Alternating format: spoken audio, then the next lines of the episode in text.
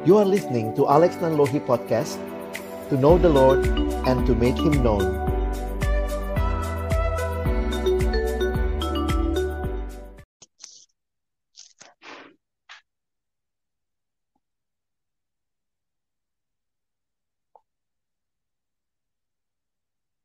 Halo teman-teman sekalian, senang banget malam hari ini kita ketemu lagi dan kali ini kita sama-sama akan melihat dan juga mendengarkan dan juga sharing satu sama lain tentang satu tema yang menarik sekali malam hari ini, yaitu mau jadi hamba Tuhan.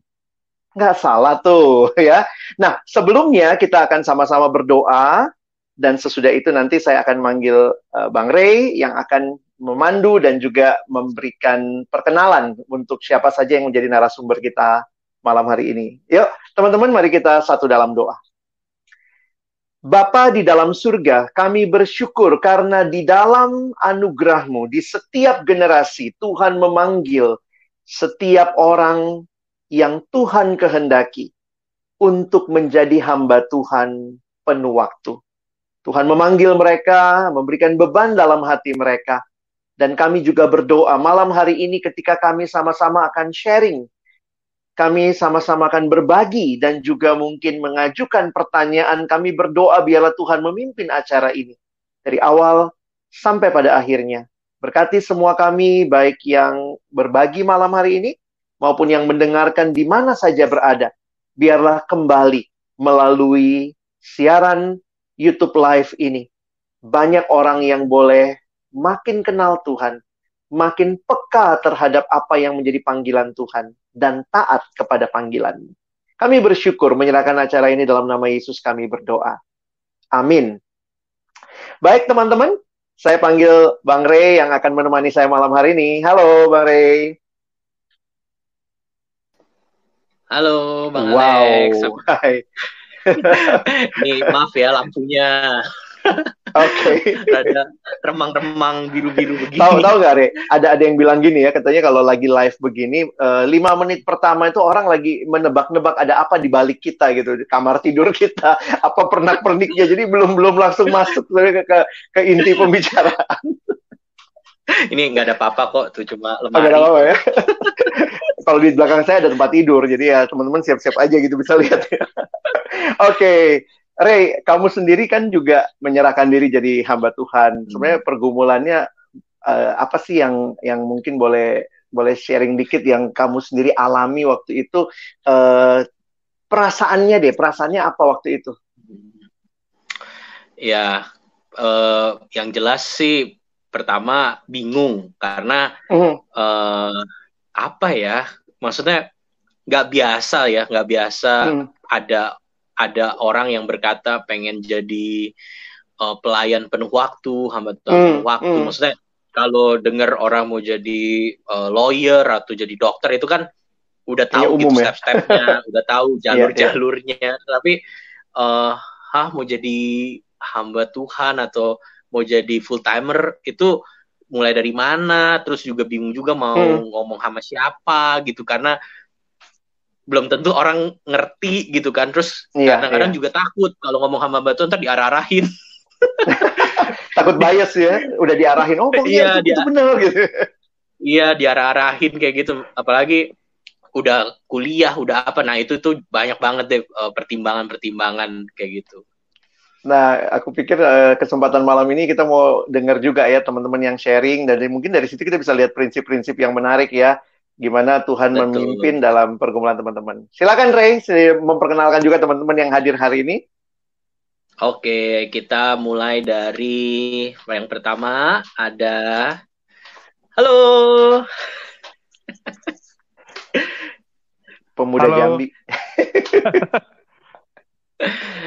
Oke, kita munculin semua dulu aja kali ya. Boleh, baru, boleh. Baru uh. kenalan ya. Yang yang kedua ini N juga nih. Setelah Nando, ada oh. Noni. Hai Noni. Halo Bang. Noni Banyuwangi, wih jauh banget. Jauh. Oke, yang berikutnya N lagi nih, N. Ini malam ini kok N semua ya? N. Yang berikutnya adalah Wey. Halo. Halo Bang N. Halo. Dan yang terakhir, ya ampun. Ini kok nggak N sih? Aku N. Halo N. Nelisabeth. Eh, eh, Elizabeth. Nelisabeth. Iya iya iya. Hai semua. Hai. Oke, eh, mungkin teman-teman bisa perkenalkan diri dulu kali ya. Eh, maksudnya nama, terus daerah pelayanan, atau mungkin juga jangan masuk ceritanya dulu. Eh, berapa lama mungkin sudah eh, melayani atau terlibat di pelayanan apa gitu siswa mahasiswa atau seperti apa kayak gitu. Silakan, boleh dari eh, siapa? Nan Nando dulu. Oke. Oke, Shalom. Perkenalkan nama saya Nando dari Jambi. Eh saya ayo, kok saya aku aja ya. Pelayanan sudah tiga tahun di Perkantas, melayani siswa. Hmm. Oke, di eh, pelayanan siswa tiga tahun ya. Thank you Iya. Nando. Yang berikutnya boleh kakak di sebelah kiri eh, mana tuh? Noni. Nah, ah, gimana sih mirror? Nah, ya. Ya. Halo, aku Noni. Aku pelayanan di Banyuwangi eh, sebagai staf siswa. Dan tahun ini, Mei tahun ini, aku tepat tiga tahun melayani. wow. Terima kasih Noni. Nah, abang ini ya sudah berapa lama? Silakan Bang Niko. Oke, halo. Saya Diketawain nih. saya Niko eh, di Jakarta. Eh, agak bingung jawabnya ini. Kalau eh, eh, melayani di eh, secara khusus di Perkantas di dalam pelayanan eh, mahasiswa itu eh, sudah saya menjadi board BPC sudah sejak tahun 2000. Sejak Hmm. tahun 2000 dan eh, kemudian eh, eh, makin eh, ada secara khusus lagi panggilan di eh, sejak eh, Mei 2016 Mei 2016 berarti empat tahunnya hari eh empat tahun sekarang. Empat tahun Wow. itu empat tahun seka- sekarang menjadi eh, associate staff di Perkantas Jakarta dan banyak di eh, walaupun eh, di pelayanan lain tapi banyak di pelayanan mahasiswa. Thank you. Thank you Bang Niko. Berarti Oke. udah du- 20 tahun dari 2020 tambah 4 ya, 20. Iya. 4 yang terakhir double. Oke, thank you. Yang terakhir silakan. Masih gini. Ya. Halo semuanya. Namaku Elizabeth, panggilannya Bebet dari Jakarta. Aku masih muda. Hmm, waktu lama pelayanannya baru Dibanding siapa dulu? Dibanding siapa? Bang Niko yang masih muda ya. dua tahun tiga bulan di pelayanan mahasiswa Jakarta. Mbak Sinova bilang kasih lampu Bang Niko Oke. Gimana? Gak bisa. Nah, Nik butuh lampu katanya. Oke oke nanti sambil Oke. nyari lampu boleh ya. Santai, santai. Eh, Bang Alex sendiri udah berapa lama ya? Bang Alex? Aduh. Saya sama Niko 11 12 lah. Saya sejak sejak 98 Februari 98 gabung di Perkantas Jakarta. Jadi 98. silakan hitung sendiri. Masih TK. Masih TK ya, Bet ya. Itu hanya untuk memastikan kami lebih tua begitu ya. Oke, thank you perkenalan singkatnya teman-teman. Nah, eh, aku juga nyapa buat teman-teman yang join eh, di tayangan ini. Selamat datang. Eh, silakan boleh sharing. Nah, teman-teman, eh, aku juga persilahkan kalau mungkin teman-teman ada pertanyaan atau mungkin ada apa ya butuh butuh masukan atau butuh input mungkin kita nggak bisa jawab langsung karena pengalaman ini kan pribadi lepas pribadi, tapi minimal mungkin kita bisa saling sharing pertanyaan, sharing pengalaman, sharing uh, keyakinan kayak gitu. Jadi jadi teman-teman bisa uh, ini ya, bisa leave comment kayak gitu. Nah, uh, aku mungkin mulai nanya ini teman-teman boleh silakan jawab uh, ini ya bergiliran kayak gitu. Mungkin boleh sharing dulu kali ya, uh, gimana waktu itu merasa terpanggil kayak gitu. Maksudnya setiap kita mungkin punya ceritanya, punya keunikannya, kapan atau mulai dari mana memikirkan dan apa yang waktu itu akhirnya teman-teman lakukan sampai akhirnya uh, bersedia menjawab atau akhirnya bersedia untuk melakukan panggilan hamba Tuhan penuh waktu kayak gitu. Mungkin uh, apa poin-poin besarnya yang teman-teman ingat itu sangat berbekas sampai teman-teman bisa ada sekarang. Nah, kita mungkin boleh dengar dari Nando dulu kali ya. Nando boleh sharing? Oke, kalau kalau aku sih uh, panggilan jadi hamba Tuhan itu maksudnya sudah merasa itu sejak masih kecil. Nah, waktu masih SD gitu ya, gitu ya kalau ngelihat uh, hamba Tuhan pakai jubah di gereja itu kayaknya senang gitu dan tertarik untuk kalau udah besar akan jadi hamba Tuhan. Tapi ketika SMA uh, eh, rasa untuk jadi hamba Tuhan itu hilang karena waktu SMA punya keinginan untuk kuliah di mana dan akan kerja apa gitu.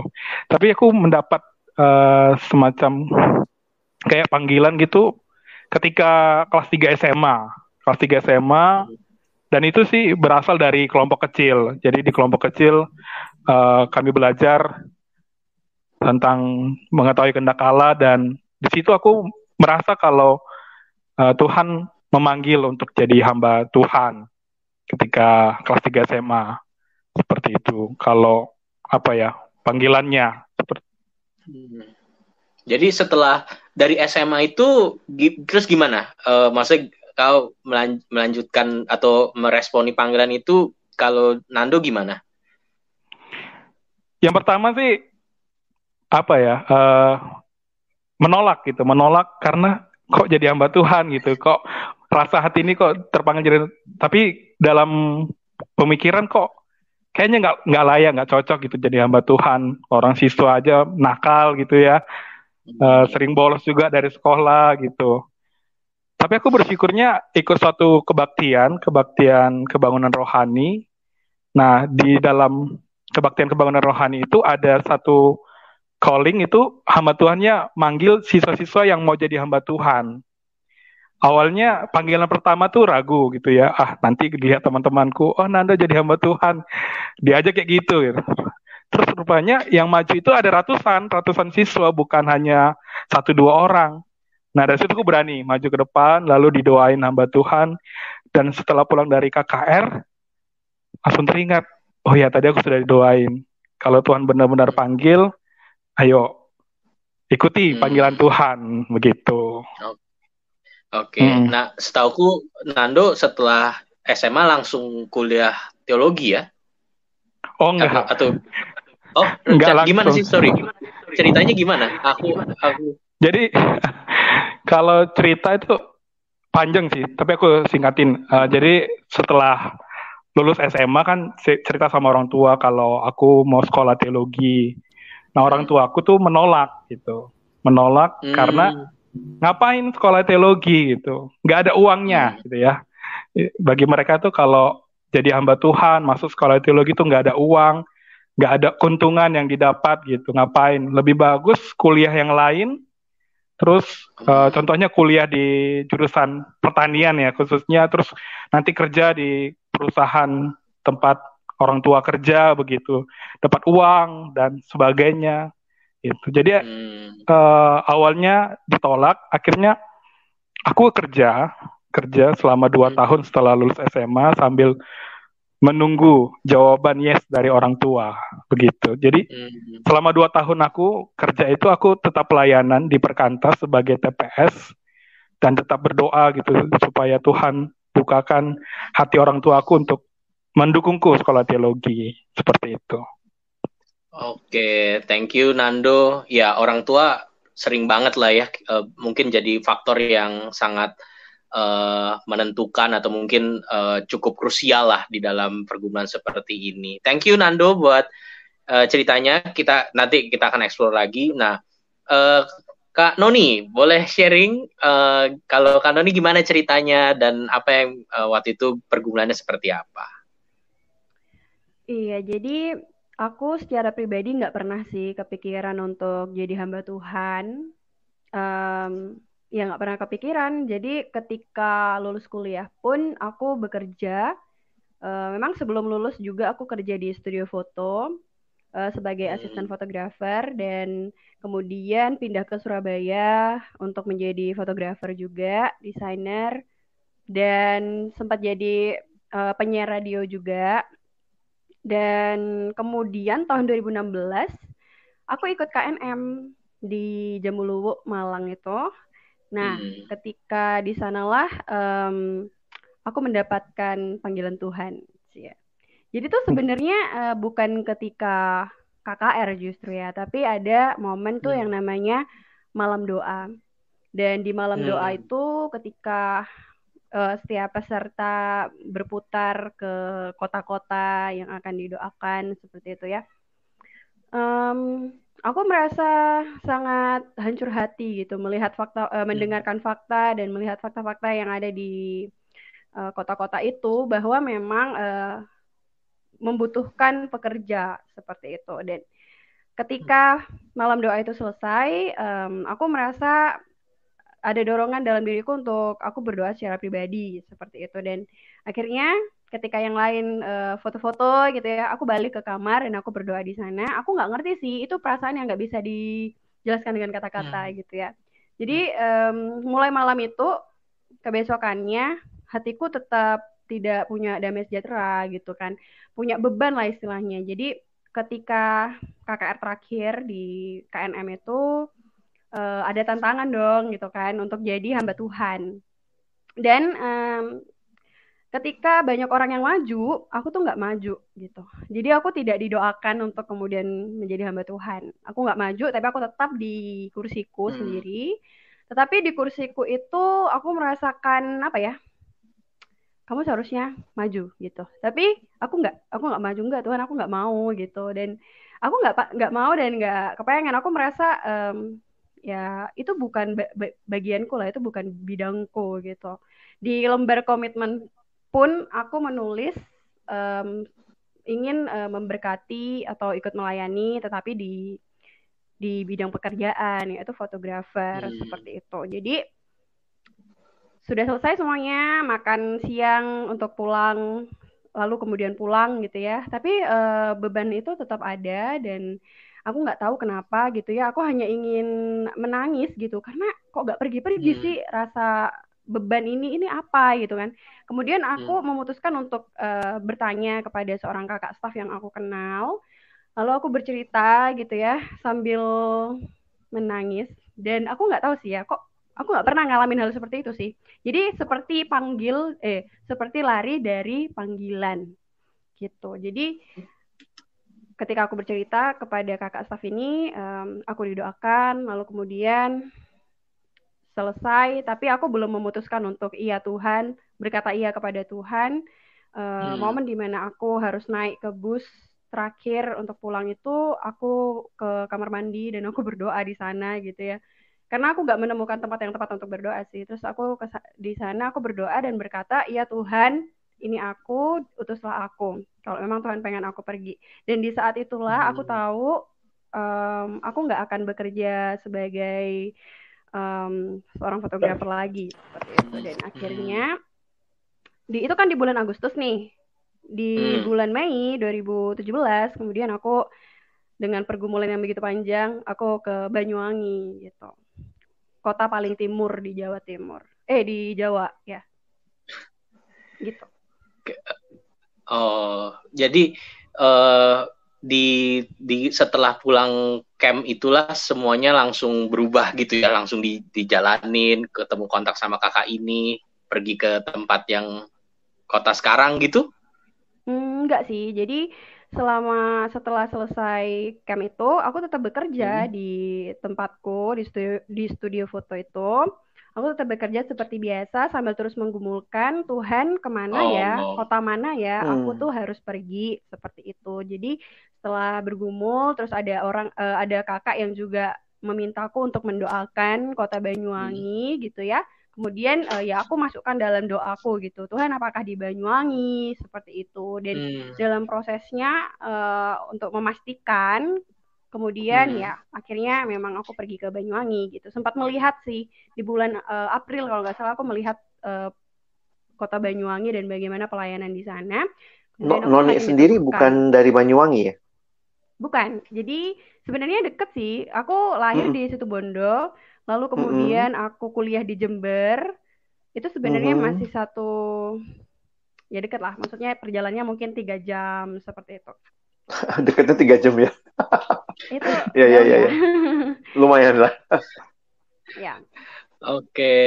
thank you uh, Kanoni buat ceritanya. Ntar kita kita bisa explore lagi kayak gitu ya uh, ini bebet kayaknya koneksinya masih susah kali ya atau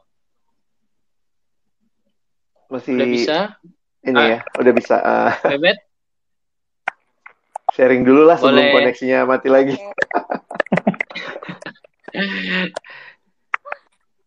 Bebet boleh sharing jelas, pengalamanmu? Iya, bisa dengar suaraku dengan jelas. Rada kecil sih. Oh, Oh, ya udah kalau enggak kita lanjut ke Bang Niko dulu ya. Tadinya Bang Niko mm mintanya terakhir, cuma karena koneksi. Jadi jalur koneksi. Bang Niko boleh.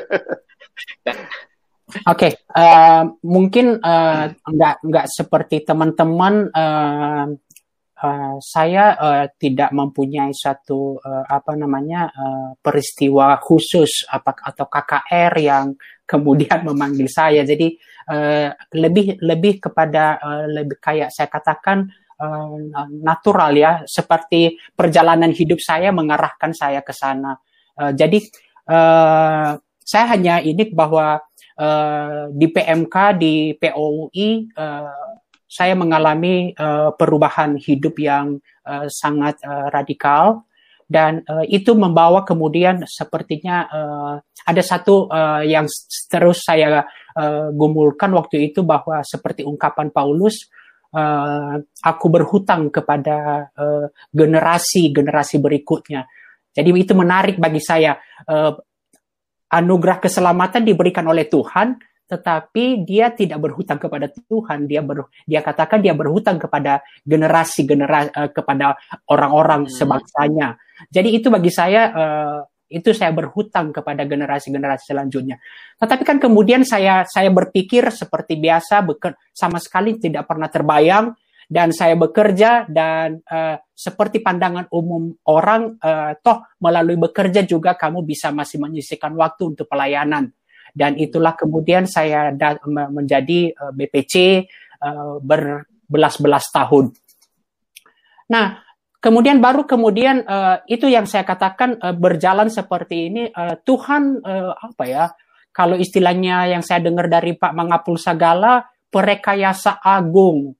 Jadi justru ketika kemudian masa puncak karir saya, jadi ketika saya masuk puncak karir saya menjadi direktur. Nah, ketika direktur itu kembali saya uh, uh, memikirkan apa yang bisa saya lakukan kepada pelayanan mahasiswa. Nah, ketika saya jadi direktur, saya sudah mulai bisa bagi-bagi waktu saya. Nah, saya kembali datang ke kampus. jadi ketika 2010 saya mulai direktur atau 2011, saya saya kembali menjadwalkan waktu saya ke kampus. Dan uh, kalau saya tahu awalnya itu yang akan membuat saya, mungkin saya nggak akan lakukan. Tetapi justru ketika kemudian awalnya saya pikir saya hanya bisa oke okay, saya sekarang direktur saya bisa bagi waktu uh, saya setiap awalnya saya pikir uh, Jumat saya akan ambil waktu untuk datang ke kampus tetapi uh, singkat cerita itulah yang kemudian menarik saya. Hati saya makin dalam ke sana. Dan uh, nanti kalau kita bisa eksplor ada sejumlah sejumlah peristiwa-peristiwa di tengah itu. Uh, karena unik saya sudah berkeluarga. Hmm, ada hmm. ada uh, uh, tentu uh, keputusannya tidak hanya soal keputusan saya sendiri. Uh, saya sudah berkeluarga dan itu yang kemudian me membawa saya termasuk peristiwa-peristiwa uh, dengan keluarga khususnya istri yang meneguhkan sampai kemudian uh, di 2016 uh, saya memutus, memutuskan untuk pensiun dini dan uh, seperti tadi berlanjut kemudian hmm. sampai saat ini saya sekolah dan uh, menjadi associate staff di Perkantas. Kira-kira seperti itu gambaran besarnya. Oke. okay. Terima kasih Bang Niko. Ya. unik unik juga ya Bang Alex ya. Tadi Nando iya. dari SD. hmm. Noni waktu camp. Bang Niko kayak jalan terus aja gitu maksudnya nggak ada hmm. yang sampai gimana banget di satu momen tapi ya kalau Tuhan emang ngarahin jadi juga yeah. gitu ada cara Tuhan untuk masing-masing orang jadi mungkin ini juga jadi menarik ya untuk kita coba refleksikan supaya uh, tidak melulu hanya berpikir kalau Tuhan panggil maka jalurnya hanya satu jalur begitu kali ya iya iya Nah, kita Bebet udah bisa dengar ya nih. Uh, yang dari tadi signalnya menjadi tantangan ya. Silakan Bebet, boleh sharing gimana uh, pengalaman atau pergumulanmu? Ya, kalau sekarang suaraku udah jelas belum? Jelas banget. Ya, ya um, mungkin uh, untuk memulai, aku bisa bilang bahwa uh, perjumpaanku secara pribadi dengan Kristus itulah yang membawa aku kepada satu pergumulan yang nggak pernah aku pikirkan sebelumnya, yaitu memikirkan uh, hidup orang lain, memikirkan keselamatan jiwa orang lain, gitu. Jadi masuk uh, sebagai mahasiswi baru di Fakultas Hukum di UI dengan segudang cita-cita dan segudang mimpi, gitu ya, membuatku sebenarnya di awal-awal itu cuman mau berpikir tentang diriku, tentang uh, bagaimana nanti aku bisa checklist-checklist semua mimpi dan uh, cita-cita aku ketika masuk ke FHUI kan. Tapi kemudian ketika aku di Injili, aku bukan orang yang baru kenal Kristen dan sebagainya ya, tapi bisa dibilang ketika di kampus lah aku benar-benar uh, men mengerti ya Tuhan uh, membukakan dan menerangi uh, hati pikiran lah ya untuk uh, berita Injil dan setelah itu uh, aku seperti ngerasa banyak hal yang diobrak-abrik Tuhan di dalam hidup ya, termasuk uh, tujuan tujuan hidup, termasuk bagaimana menjalani hidup kayak gitu. Nah, singkat cerita di semester tingkat mau semester akhir lah gitu ya. Aku uh, share sama salah satu teman saya yang berbaju kuning di tempat ini ya.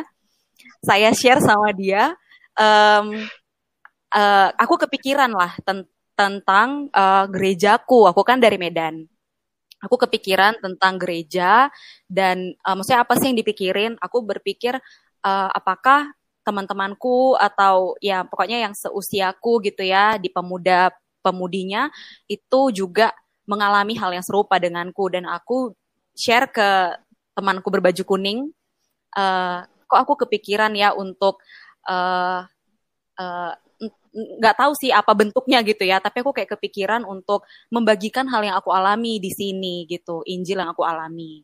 Nah baru nggak lama sebenarnya uh, teman saya berbaju kuning uh, sama salah satu staf perkantas lah saat itu ya share untuk doakan jadi staf perkantas itu di tingkat akhir nggak lama setelah aku cerita itu jadi agak hati-hati ya kalau cerita sama staf ya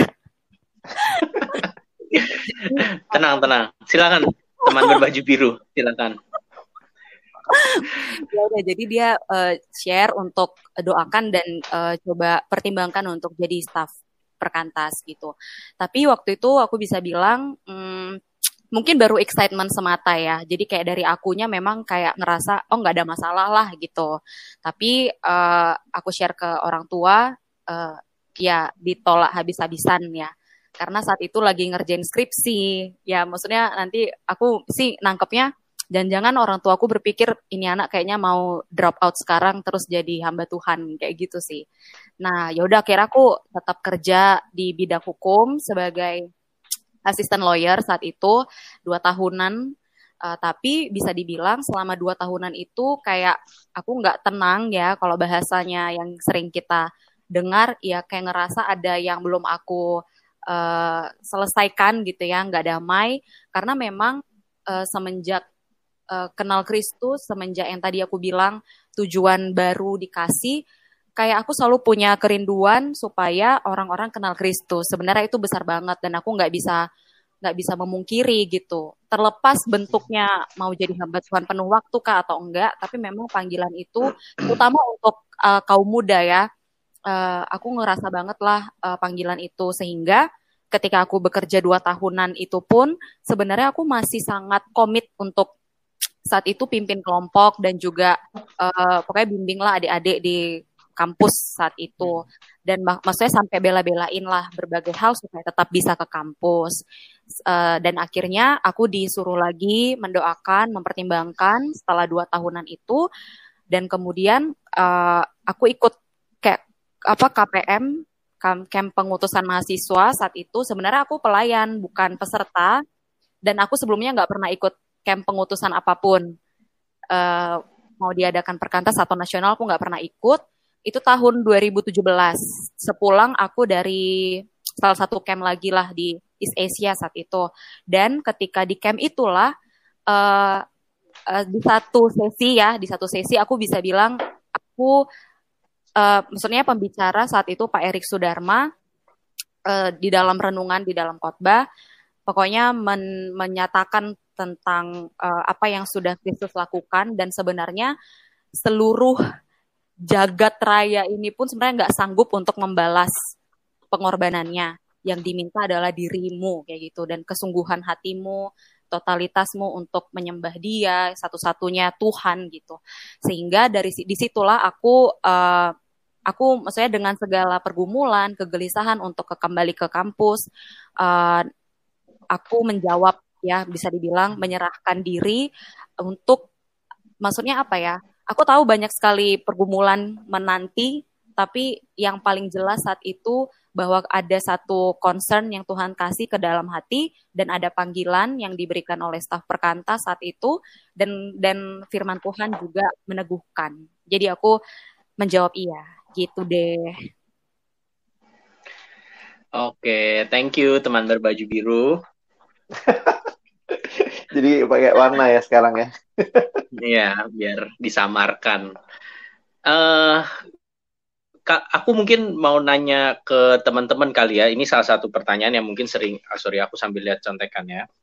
Uh, jadi gini, kadang-kadang tuh apa yang membuat eh, teman-teman uh, yakin ini tuh benar dari Tuhan, gitu loh. Kadang-kadang kan uh, memang sih uh, kita mungkin kita bilang firman uh, uh, apa kejadian momen kayak gitu. Tapi dan setiap orang mungkin beda-beda gitu. Tapi pertanyaan yang lebih sering diangkat tuh gimana tahu ini benar-benar emang emang Tuhan kehendaki gitu? Tuhan buka jalan atau mungkin uh, ini tuh nggak mungkin terjadi kalau maksudnya bisa aja kita bilang kebetulan tapi ini nggak mungkin aku bilang kebetulan kejadian hal-hal kayak begini di saat aku hmm. bergumul sehingga aku tahu inilah emang Tuhan konfirmasi Tuhan bukan cuma keinginan bukan cuma uh, apa apa emosi kayak gitu. Teman-teman punya cerita gitu secara pribadi uh, apa yang teman-teman alami? Mungkin masalah dibuka apa diselesaikan atau mungkin that end dibukakan atau mungkin reminder apa pun yang yang teman-teman di situ titik iya ini benar Tuhan uh, panggil dan aku mau mungkin tak aku mau belajar taat kayak gitu. Nah, itu itu yang mungkin sering jadi pertanyaan. Uh, kita uh, muter lagi kali ya. Kita boleh ke Nando. Nando boleh sharing ada pengalaman atau mungkin ada ada cerita? Kalau aku yang pertama sih dari firman Tuhan. Dari firman Tuhan aku uh, menemukan panggilan gitu ya ketika kelas 3 SMA itu satu minggu itu saat teduhnya itu mengarahkan untuk mengerjakan misi, panggilan amanat agung gitu. Dan juga kan uh, dari SMA aku udah ikut apa ya suatu kayak penginjilan pribadi gitu ya ke berbagai daerah gitu di Jambi. Nah dari situ ku sedih gitu melihat anak-anak remaja, anak-anak siswa juga uh, kok mereka hidupnya kayak nggak terarah gitu. Kok hidup mereka nggak terbimbing dengan baik. Siapa yang akan melayani mereka kalau gereja pun tidak bisa menjangkau mereka. Dari situ aku uh, belajar gitu dari firman Tuhan dan juga dari situasi yang aku lihat. Kemudian juga memang ketika sharing sama orang tua ya, orang tua tidak mendukung gitu dan bertanya-tanya, ini benar Tuhan nggak ya yang manggil kok orang tua aku nggak dukung. Kalau Tuhan benar panggil kan orang tua aku tinggal ngomong yes dan kasih dana silahkan pergi gitu. Tapi dua tahun aku aku bergumul gitu. Uh, ketika pulang kan aku SMA ini nggak kos nggak tinggal sama orang tua jadi kalau pulang kampung itu ke Pekanbaru pas tahun baruan selalu cerita uh, aku akan sekolah teologi selalu ditolak selalu ditolak akhirnya sudah dua tahun bekerja dan pelayanan di TPS uh, dan itu aku langsung doa gitu minta Tuhan kalau Tuhan benar panggil berikan tanda. Orang tua aku dukung. Lalu di malam tahun baru 2012 ya aku sharing ya biasalah orang Batak ya kalau malam tahun baru ada cerita gitu. Nah di situ aku cerita kalau aku akan sekolah teologi. Mau didukung atau enggak aku akan berangkat 2012. Nah, di situ uh, Tuhan konfirmasi melalui orang tua dan orang tua nggak ada marah, nggak ada nolak. Mereka langsung jawab, silakan anakku, kamu mau pergi ke mana aja sekolah teologi kami dukung.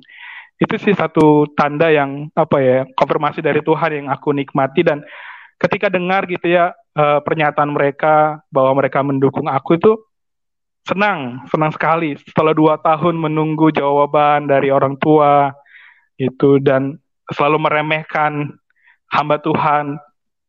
Terus mereka kasih konfirmasi bahwa mereka dukung. Nah itu yang aku alami dan uh, memang ya ketika masuk daftar ke sekolah teologi ada beberapa hambatan gitu. Tapi aku melihat uh, setiap hambatan yang aku lalui itu adalah konfirmasi yang Tuhan uh, nyatakan gitu ya dalam perjalanan panggilan gitu. Jadi aku uh, menyimpulkan bahwa perjalanan hidupku sebagai hamba Tuhan itu bisa bertahan sampai saat itu karena kesetiaan Tuhan dan panggilan Tuhan gitu. Walaupun memang ada hambatan, ada kendala, tapi di balik itu semua Tuhan uh, nyatakan kemuliaan dan penyertaannya. Itu yang bisa aku sharingkan. Thank you Nando buat ceritanya. Uh, ya aku teman-teman mungkin yang juga mungkin bergabung pasti tahu lah ya nunggu jawaban uh, dua tahun gitu nggak mudah gitu ya apa minta terus buat sesuatu yang kok nggak diizin diizinin kayak gitu. Tapi uh, ya bersyukur gitu ya mendengar kesaksian uh, Nando gitu ya. Dan kita juga mendoakan teman-teman yang sedang bergumul pun uh, ya hmm. dalam waktunya Tuhan Tuhan boleh memberikan uh, apa cara konfirmasi kepada teman-teman Uh, Kak Noni, boleh sharing uh, apa yang uh, dalam pengalaman atau cerita Kak Noni mengkonfirmasi, meneguhkan, meyakinkan? Iya, jadi um, sebelum aku ikut KNM pun, itu aku juga ikut pelayanan di Surabaya, melayani siswa gitu ya. Aku setiap Jumat mesti ke salah satu SMA yang kebetulan SMA itu dilayani oleh Perkantas Surabaya dan itu deket banget sama uh, tempat kerjaku gitu. Jadi setiap Jumat aku meluangkan waktu ke sana. Um, aku merasa ya itu meluangkan waktu di tengah-tengah jam kerja itu aku sangat usahakan gitu. Dan aku merasa sangat sukacita ketika aku bisa bersama dengan siswa. Seperti itu. Dan sebenarnya juga aku bukan dari pelayanan siswa. Dulu aku bukan TPS, dulu aku juga hmm. bukan uh, di PMK perkantas gitu ya. Hmm. Tapi aku lebih ke PMK kampus sih. Jadi aku di KTB hmm. tapi di perkantas Jember seperti itu. Jadi aku sebenarnya um, tidak pernah juga di uh, sharingkan sama kakak-kakak staff untuk eh kamu gumulkan jadi staff ya gitu juga nggak pernah tapi entah kenapa ketika di Surabaya aku punya kesempatan untuk bisa melayani siswa um, aku merasa senang gitu loh. Aku nggak tahu hmm. uh, awalnya aku merasa ya biasa karena mungkin aku juga terlalu ini sama pekerjaan kali ya. Jadi itu salah satu hiburanku seperti itu. Jadi ketika ikut KNM aku bergumul seperti tadi juga um, kemudian aku kembali ke Surabaya tetapi aku juga tetap melaksanakan uh, pelayanan di sekolah-sekolah. Di situ aku bisa hmm. mulai membandingkan sih. Um, kok aku ngerasa hatiku lebih ke ke siswa ya gitu dan hmm. kemudian um, di waktu-waktu aku sharing dengan kakak staff dan juga di waktu aku merenungkan firman Tuhan secara pribadi di situ aku merasa hatiku tuh udah sebenarnya udah tidak di pekerjaanku yang waktu itu gitu jadi entah itu mungkin hanya perasaanku ya karena awalnya juga aku merasa aku nggak nggak layak atau nggak pantas gitu ya jadi seorang hmm, staff. Hmm, hmm. Aku menolaknya terus menerus, tapi kemudian Tuhan memberikan beban yang cukup ini yang cukup dalam gitu ya. Jadi akhirnya aku memutuskan iya, tetapi aku terus mengujinya. Aku bahkan belum bilang sama orang tua aku ketika aku sepulang dari camp itu sampai um, pasti bahwa aku akan pergi ke kota mana seperti itu. Hmm. Dan sebenarnya konfirmasi yang akhirnya iya itu apa ya? Ya lebih ke ini sih, ketika aku bersekutu pribadi dengan Tuhan dan Tuhan mengarahkan hatiku ke mana. Dan juga ada suatu momen ketika aku saat teduh, Tuhan kayak konfirmasi itu seperti ini.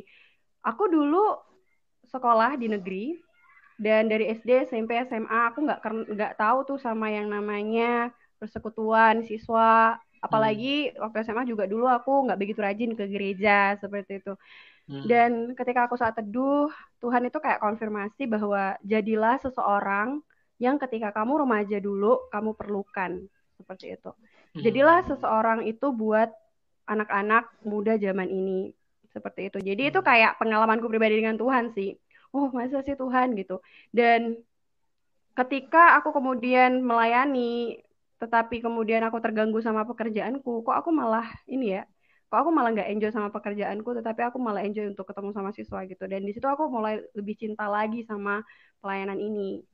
Seperti itu. Oke, kak waktu waktu pindah kota gitu ada respon dari keluarga mungkin atau mungkin dipertanyakan gitu? Ada, ada. Jadi uh, uh, aku telepon sama um, ayahku gitu ya, aku telepon tepat ketika aku yakin bahwa aku akan pindah ke Banyuwangi seperti itu ya. Dan aku hmm. memang lagi mau hmm. lihat sih belum belum pindah cuman aku mau lihat uh, pelayanan di Banyuwangi. Aku akan resign di bulan April. Aku bilang sama ayahku dan aku nelpon gitu ya menjelaskan dengan cukup emosional ya. Terus kemudian uh, ayahku menolak sangat menolak. Kemudian uh, beliau bilang uh, kalau ayah nggak bolehin.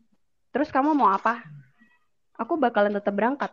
Ya udah terus ngapain kamu nelpon gitu kan. Jadi telepon berakhir demikian saja.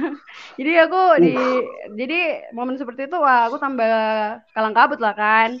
Terus um, aku sms sama ayahku aku bilang bahwa ya aku tuh mengasihi ayah gitu ya. Tapi aku bukan hanya sebagai anak ayah tapi aku adalah sebagai milik Allah gitu. Dan saat ini Allah penciptaku menginginkan aku untuk aku melakukan sesuatu hal baginya gitu.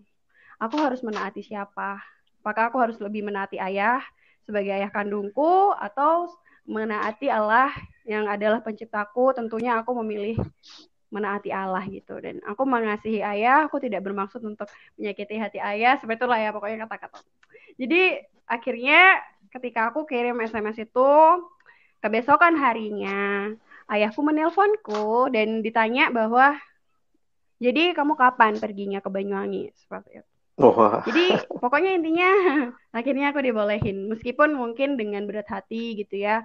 Tapi dalam pergumulanku itu memang aku um, jujur sih, jujur sama ayahku dan aku memberi memberitahukan beban hatiku kepadanya dan akhirnya beliau hari demi hari bisa mengerti ya meskipun sempat sih satu tahun lalu ayah tanya sampai kapan kamu di sana? Gitu kan. Dipikir aku bakalan resign lalu kemudian cari pekerjaan lain gitu ya. Tapi aku bilang kayaknya kayaknya aku bakalan tetap di sini gitu.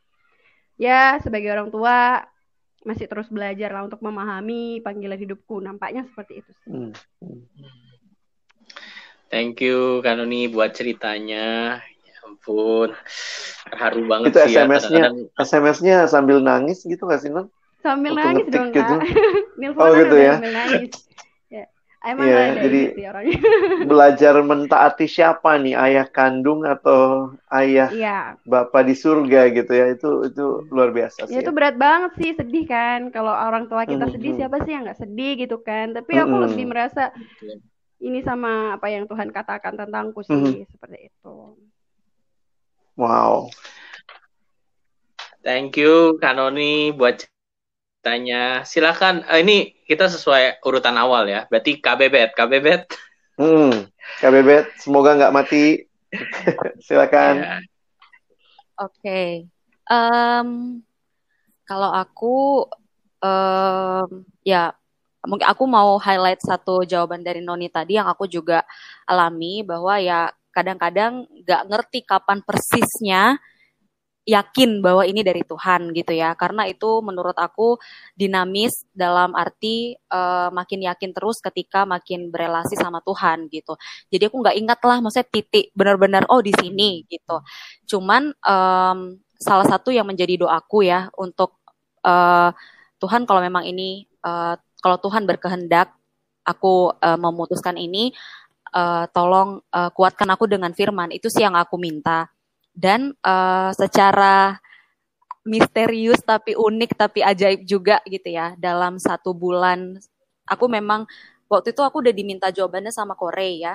Tapi aku bilang aku belum yakin uh, kasih aku waktu sebulan lagi gitu. Dan uniknya di sebulan itu firman yang berulang-ulang bahkan bukan cuma firman berulang tapi firman itu juga diadaptasi jadi satu lagu dan lagu yang berulang-ulang juga aku dengar lah dalam satu bulan itu intinya uh, firman yang mengatakan kalau orang yang menanti-nantikan Tuhan uh, uh, jadi dia bukan dari satu firman aja gitu ya, bukan dari satu perikop atau satu ayat aja, tapi dengan tema yang serupa. Nah intinya apa? Uh, uh, Tuhan lagi menguatkan kalau kamu memang mau uh, fokus sama pribadi yang memanggilmu, kalau ada pun pergumulan yang akan kamu hadapi berikutnya, kamu akan dikuatkan. Itulah tema yang berulang-ulang. Dan aku kan memang doanya seperti itu. Tuhan tolong berikan firman yang menguatkan gitu. Karena uh, uh, sebenarnya yang paling bikin ragu saat itu kan keluarga ya. Uh, karena memang mamaku ya orang tua lah keduanya eh, nggak uh, menyetujui gitu kan. Maksudnya ya mereka lebih berpikir bahwa kayaknya uh, akan lebih baik kalau kamu tetap di bidang hukum gitu. Entah jadi lawyer kayak jaksa atau hakim kayak gitu kan. Atau PNS dan sebagainya. Tapi nah maksudnya aku juga saat itu nah yang mungkin agak unik kalau Noni kan tadi uh, merasa kayak lebih excited ketika ke siswa kan. Nah kalau aku tuh dua-duanya tuh tetap excited gitu. Bahkan di titik saat itu ketika aku harus memutuskan dengan ada panggilan ini, aku lagi berada mungkin di puncak excitementku di dunia hukum gitu ya.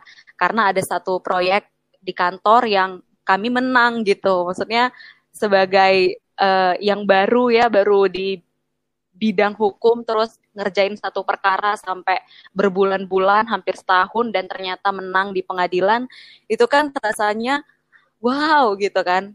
Uh, maksudnya dengan dan kita melakukannya dengan jujur karena ya aku cuman berdua sama rekanku saat itu kita tahu semua yang kita kerjakan kita saling tegur saling support gitu kan.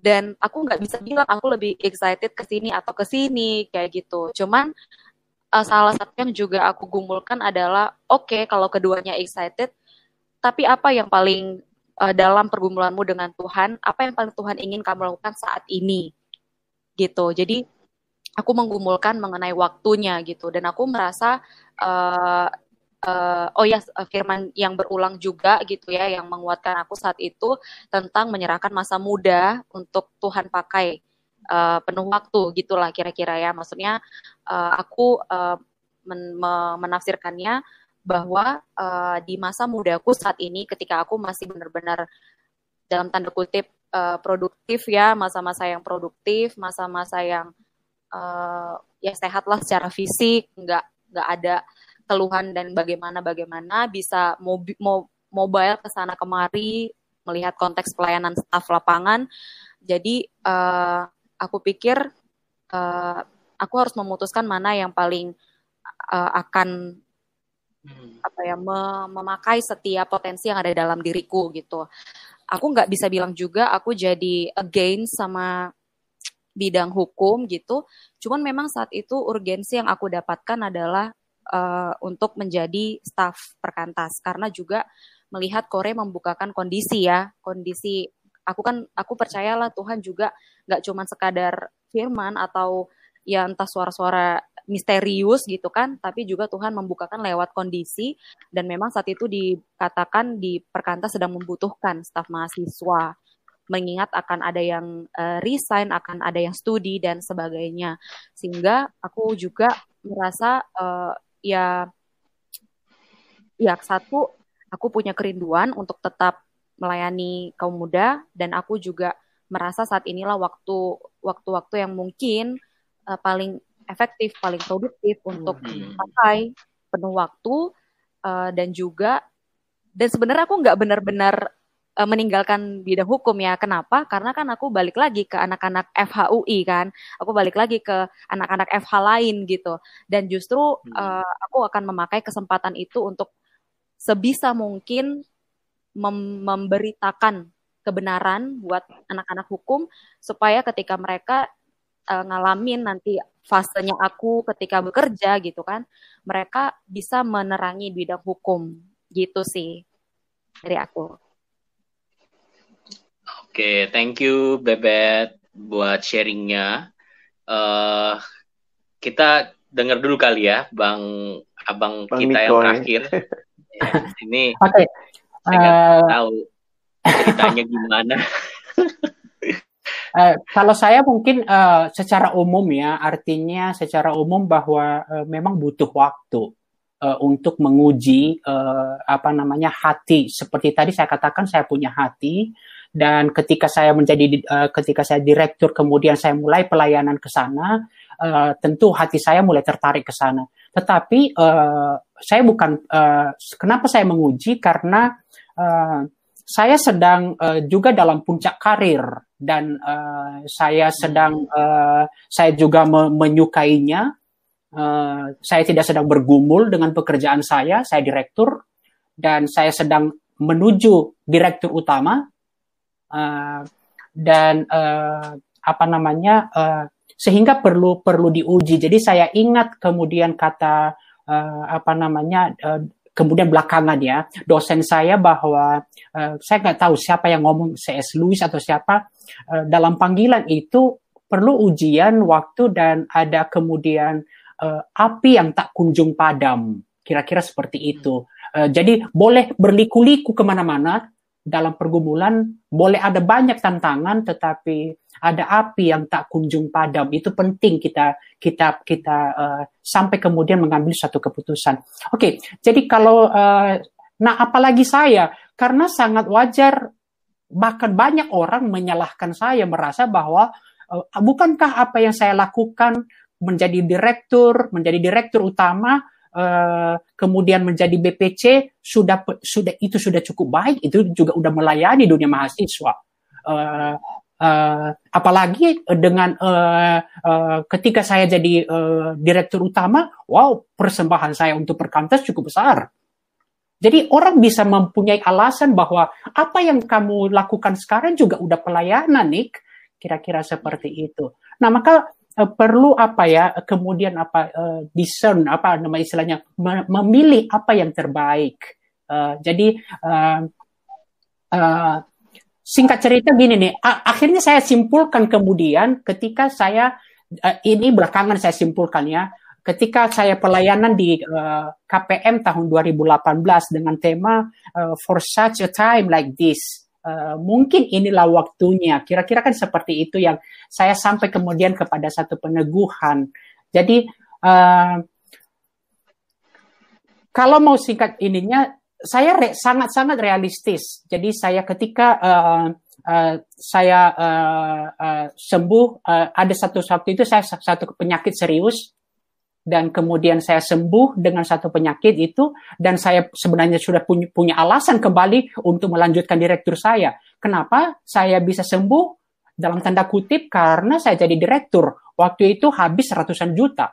Dan saya bertanya ke diri saya, untuk itulah kamu jadi direktur. Coba kamu sakit waktu bukan direktur. Mungkin itu saya punya alasan gitu loh bahwa uh, kalau kamu sakit di luar kamu direktur belum tentu. Tetapi itu membawa saya kepada pemikiran bertanya, Tuhan, kalau orang lain uh, dengan penyakit itu uh, banyak uang, tetap banyak uang bisa lewat hidupnya, ketika Tuhan masih memberikan kesempatan hidup kepada saya, sisa hidup saya apa yang uh, apa istilahnya menentukan apa yang paling baik. Nah, jadi uh, di antara bahwa saya menjadi pelayan BPC itu baik, ya, tapi kemudian dalam pergumulan saya yang saya uji terus waktu, apa di mana yang ter, uh, istilahnya terbaik di sisa hidup saya untuk saya persembahkan kepada Tuhan. Jadi salah ketika ada orang ngomong bahwa saya meninggalkan dunia, oh tidak, itu juga panggilan saya dulu. Tetapi ada masa waktu Tuhan memanggil saya untuk satu panggilan baru yang saya pikir adalah itu adalah uh, yang terbaik untuk uh, saat ini for such a time like this. Jadi itu itu itu yang paling penting saya uh, saya uh, pikirkan. Jadi saya mulai memikirkan kemudian saya punya kekuatan bahkan di dunia asuransi pun saya banyak ngajar. Jadi saya punya hmm. kekuatan untuk itu. Kemudian saya punya kekuatan untuk dekat kepada orang dan kemudian melihat dunia mahasiswa itu kemudian saya pikir di mana yang terbaik sisa hidup saya dan uh, serangkaian kemudian peristiwa-peristiwa meneguhkan saya untuk hal itu. Saya ambil contoh. Uh, ketika saya sedang pelayanan, saya, uh, saya tidak sedang mengarahkan apa-apa, tapi ketika saya sedang KKR pasca di Fasilkom, jadi saya tidak rencanakan saya sebelum sebelum saya menantang mereka untuk ber, mengambil keputusan berdiri, lalu saya ajak mereka menyanyikan lagu memandang salib rajaku. Dan tiba kemudian di ayat kelima hampir saya nggak bisa berdiri ketika andaikan jagat milikku dan kuserahkan padanya tak cukup bagi Tuhan dirikulah yang dimintanya. Dan itu begitu berbicara buat saya. Jadi hmm. bagi setiap orang tentu ada ada hal-hal yang kemudian ujian untuk melihat peneguhan-peneguhan itu. Itu umpamanya satu titik penting. Kemudian titik penting lain, saya nggak terlalu banyak bicara karena kan saya sudah berkeluarga. Jadi bagi saya, saya uh, keputusan adalah uh, keluarga saya yang uh, uh, orang tua saya dengar, tetapi uh, yang paling ini adalah uh, uh, istri dan anak-anak. Dan saya tidak banyak berbicara kepada mereka, tetapi saya tahu bahwa setiap di apa namanya tindakan mereka itu memberikan konfirmasi. Jadi saya ambil contoh ketika ada seminar di Bali dan saya tinggal di hotel yang sangat mewah dan ketika hari Kamis itu berakhir uh, komisaris menyatakan bahwa uh, apa namanya bisa extend sampai hari Minggu dan ajak seluruh keluargamu ke sini dan saya telepon istri, ayo ke sini. Semua saya fotoin semua supaya me membawa dia datang untuk ke situ. Tapi dia ingatkan saya, dia ngomong ke saya, bukankah besok ada pelayananmu di FIKUI? Saya ingat lupa banget itu FIKUI.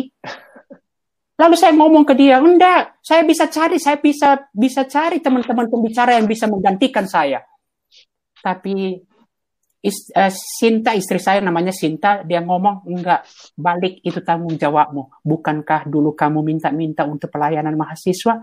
Dan for such a time like this itu kembali hmm. berbicara kepada saya. Jadi eh, itu menjadi ujian batu titik ini peneguhan bahwa oh istri saya keluarga saya jauh dibanding uh, apa namanya kenikmatan di Bali bahkan kami dapat uang saku itu uh, mendukung. Sampai akhirnya titik penting kemudian uh, berikutnya ketika uh, berakhir periode direktur dan saya mau dipromosi menjadi direktur utama untuk lima tahun lagi. Kemudian uh, orang-orang uh, berkata, Nick, udahlah, ambil aja dua tahun dulu kalau memang kamu belum yakin. Tetapi kembali keluarga kemudian saya ngomong ke istri saya, dan dalam diskusi itu ada satu kata kemudian dia berbicara begini nih. Nanti lima tahun lagi kamu akan tawar lagi. Wow, itu begitu. itu hmm. saya. jadi uh, kalimat-kalimat seperti itu saya tidak banyak sharing. Uh, Sinta tidak banyak, terlalu banyak ngomong tapi ya itu hal-hal uh, uh, hal seperti itu bagi saya kemudian menjadi satu uh, konfirmasi.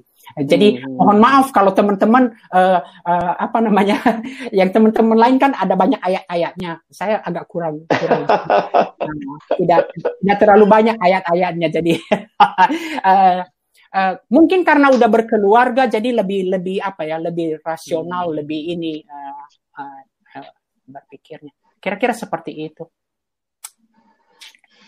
Thank you Bang Niko. Uh, iya ya, jadi melihat juga ya sebenarnya nggak ada nggak ada waktu terlambat atau waktu kapan yang ya emang kapan hmm. waktunya for such a time like this ya ya Tuhan akan panggil gitu dan Tuhan akan bangkitkan pelayan-pelayannya yang dia akan pakai untuk melayani uh, umatnya kayak gitu ya. Hmm, betul. Aku ngeliat gini juga kali Rea. Uh, dari sharing teman-teman ini gue jadi nyadar bener gitu bahwa Tuhan itu hidup. Dan dia yang hidup itu manggil gitu. Kita nggak mungkin ngomong panggilan kalau nggak ada yang manggil kan? Itu namanya hmm. apa gitu ngomong panggilan panggilan. Siapa yang manggil? Nggak tahu. Tapi dan aku bersyukur ya pengenalan teman-teman terhadap Tuhan pengalaman bersama Tuhan. Tadi bicara firman bicara Tuhan yang hadir lewat kehidupan sehari-hari, bahkan pakai uh, keluarga, itu semua jadi cara Tuhan untuk meneguhkan bahwa aku ada dan aku memanggilmu gitu ya. Jadi dari Bang Niko tadi jadi makin penting juga tuh ya punya apa nih teman hidup yang cinta Tuhan gitu ya. Jadi mungkin ini buat teman-teman ini yang belum punya teman hidup siapa nih? Jadi beralih nih topiknya nih, topik yang tapi kalau okay. kalau Bebet, Bebet ini kan uh, teman hidupnya waktu waktu jadi menjawab jadi staff sudah pacaran kan, Bet? Sudah, Bang, sudah. Nah, terus gimana waktu itu uh, tanggapan uh, si Bapak pacarmu? Mendukung kah atau ada bapak-bapak, Bang? ya, si abang, abang. Ya, jadi um, puji Tuhan dia salah satu yang dari sedikit yang mendukung ya. Dan bahkan dari uh, sedikit? dari sedikit yang kan emang fakta ya. Um, dan bahkan dia bilang uh, itu agak nggak tahu lah ya dia cuma mau menghibur atau gimana. Tapi dia bilang um, aku lebih senang kamu jadi staff daripada jadi lawyer kemarin kayak gitu. Hmm itu lumayan bikin kaget juga sih. Maksudnya kenapa ya nih orang bisa kayak gitu. tapi yang aku ingat, tapi aku ingat ya memang kan dia juga dari dibentuk dari pelayanan uh, siswa di Perkantas hmm. juga dan dia uh, maksudnya bukan hal yang sulit lah untuk kami saling berbicara tentang panggilan Tuhan ya, tentang panggilan hmm. hidup, tentang bahkan yang sampai seperti ini gitu dan uh, ya maksudnya nggak perlu panjang lebar lah untuk menjelaskan sama dia gitu. Sehingga ya saat itu yang aku juga jadikan maksudnya uh, oke okay, ada ada banyak kondisi yang tidak mendukung tapi ada juga nih yang mendukung gitu. Dan kenapa nggak melihat hal itu juga sebagai salah satu kekuatan yang Tuhan sediakan? Hmm. kayak gitu. nah, saya nggak sulit bagi dia untuk dukung dan bahkan dia bisa bilang aku lebih senang kamu jadi uh, hamba Tuhan gitu ya staff daripada waktu hmm. itu. Jadi uh, lawyer. Mungkin waktu jadi lawyer aku ini kali ya. Pulang pagi lagi. gitu. Oke, okay. ini sebelum sebelum uh, Bang Ray bertanya pertanyaan lanjutan, gue malah juga pengen nanya nih. Waktu Bang Ray kan juga waktu memutuskan udah udah pacaran belum sih? waktu memutuskan waktu untuk jadi hamba Tuhan atau minta pertimbangan pacar juga nggak? Oh, waduh, itu satu sesi lagi ya waktu. secara singkat, waktu, secara singkat gimana? Maksudnya konfirmasi pacar singkat, itu buat kamu? secara singkat, secara singkat, tanggal satu itu aku harus menjawab bersedia jadi staff atau enggak. Tanggal 14 itu aku dapat jawaban dia mau jadi pacar atau enggak. Oh. Jadi itu di bulan yang sama uh-uh. itulah semua keputusan-keputusan besar diputuskan hmm. ya. Jadi um, tapi kupikir punya pasangan atau punya orang yang mendukung, tahu yeah. dan menguatkan, kupikir nggak harus pacar ya, maksudnya komunitas, Betul. sahabat, rekan-rekan orang itu, tua ya tadi ya. ya kadang-kadang justru butuh tempat cerita karena orang tua nggak ngerti gitu ya, tapi uh, kadang-kadang ya sahabat-sahabat yang tahu dan mendoakan, gue pikir itu juga sangat mendukung dan menguatkan kayak gitu. Kalau gue cerita dikit pengalaman ya, Ray, ada aku aku jadi nyimpulin begini sih walaupun ini ini mungkin per kasus kali ya tapi dalam pengalamanku uh, tidak semua pintu yang terbuka pasti kehendak Tuhan dan di sisi yang lain tidak semua pintu yang masih tertutup bukan kehendak Tuhan. Nah aku ngalamin itu dalam bergumul. Karena ya jujur aja ya beberapa kali kan ya mungkin sama kayak Bang Niko kali ya. Aku juga sudah sempat bekerja walaupun nggak sampai jadi direktur ya Nik ya. Jadi bekerja di satu bank swasta. Dan pengalamannya bagi aku begini loh. Uh, kayak kalau dibilang memang di situ ya kelihatan juga tuh karena karena kan kita dari dari dari persekutuan diajarin tuh mesti giving the best dalam pekerjaan. Jadi waktu itu aku jujur juga walaupun nggak suka kerjaannya maksudnya merasa bener nggak sih Tuhan ini? Kok gue lebih bergairah kalau ke kampus ketemu siswa ketemu mahasiswa? Tapi karena sudah kerja di situ dan waktu itu ada kontrak nggak bisa keluar gitu ya ya I, I do my best gitu dan waktu do do my best itu tuh pintu kebuka terus tuh. Wah jadi lebih baik lebih baik. Tapi makin sadar enggak sih ya. Kayaknya Tuhan manggilin ke sini. Nah waktu yakin itu malah kok ketutup semua nih orang tua nggak setuju. Terus kemudian kayak situasinya waktu itu aku ngalamin ya Niko juga mungkin masih ingat waktu itu uh, perkantas sendiri lagi nggak butuh staff atau nggak ada penambahan staff. Jadi udah pede eh kok ketutup semua gitu. Nah itu gedor-gedornya tuh sampai akhirnya aku aku tiba di titik itu tuh. Uh, udah deh Tuhan. Nyerahin diri nggak ada yang terima.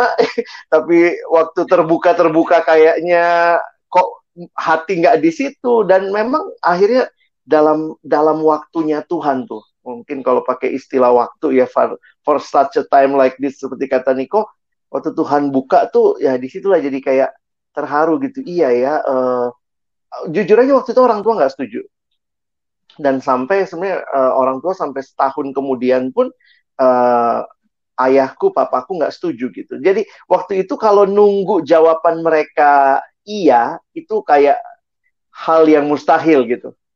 Dalam doaku secara sederhana aku cuma ngomong gini sama Tuhan, Tuhan kalau nunggu mereka bilang iya kayaknya enggak deh. Tapi kalau mereka ngomong terserah, nah itu iya. aku aku menafsirkan gitu. Jadi ketika mereka bilang terserah, dan benar tuh pas waktu bergumul, uh, kamu cari kerja? Enggak, saya tetap mau uh, fokus masuk pelayanan. Terserah, Wah, waktu bilang terserah saya langsung puji Tuhan. iya gitu. Tapi pengalaman itu pengalaman itu buat aku jadi menyadari yang tadi ya. Uh, akhirnya menyadari juga bahwa memang kalau Tuhan panggil, eh, kalau Tuhan tidak panggil ya nggak usah datang untuk jadi hamba Tuhan ya. Sementara kalau Tuhan panggil ya nggak bisa lari, jangan lari gitu kali. Itu itu itu tambahan lah dari aku dengan teman-teman juga jadi bersyukur ya melihat cara Tuhan yang indah lah buat hidup kita. Silakan Bang Ray. Thank you Bang Alex. Thank you juga buat teman-teman yang udah sharing. Hmm. Thank you juga buat teman-teman yang masih join dan masih ngikutin buat uh, hmm. kok apa ngeliat. Teman-teman feel free kalau misalnya mungkin ada pertanyaan atau mungkin ada kesaksian teman-teman juga kayak gitu ya. Iya. Mungkin uh, bisa sharing juga dan siapa tahu itu juga melengkapi dan memperkaya pengalaman-pengalaman cara-cara Tuhan yang dengan ajaib dan dengan unik memimpin uh, mungkin akan beda-beda nggak akan sama tapi Tuhan yang sama yang telah memimpin minimal ada tanda ini enam orang termasuk aku Tuhan yang sama yang juga sanggup memimpin dan menguatkan teman-teman kayak gitu.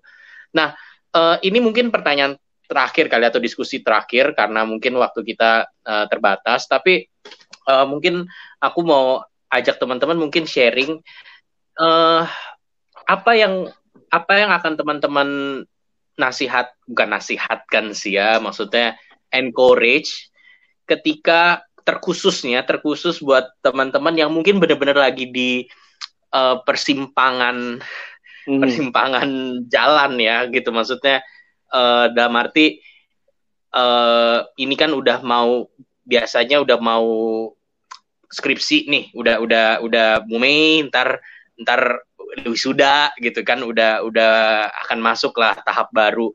Atau mungkin di pekerjaan juga mungkin setelah pandemik ini kan masih nggak tahu nih ke depannya apa dan mungkin ada hal-hal yang emang selama ini udah didoakan dan digumulkan uh, apa yang teman-teman bisa kuatkan atau mungkin saksikan buat teman-teman yang benar-benar lagi uh, harus kupikir harus berbuat harus mengambil ke, berani melangkah gitu kali ya bang ya.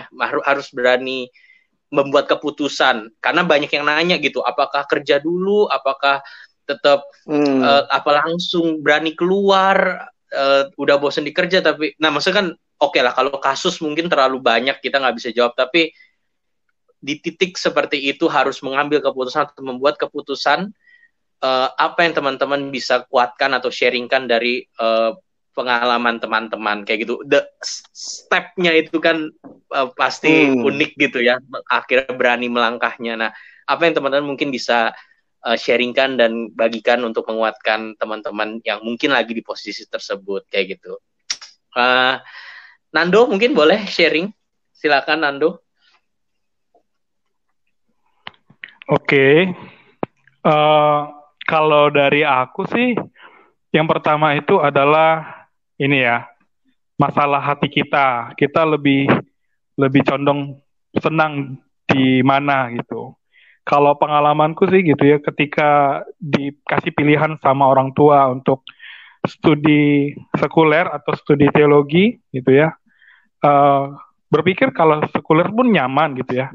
Tapi rasa sukacita, rasa uh, enak bertemu dan melayani orang itu tidak bisa kutemukan gitu. Kalau aku misalnya studi teologi, lalu bekerja seperti biasa gitu.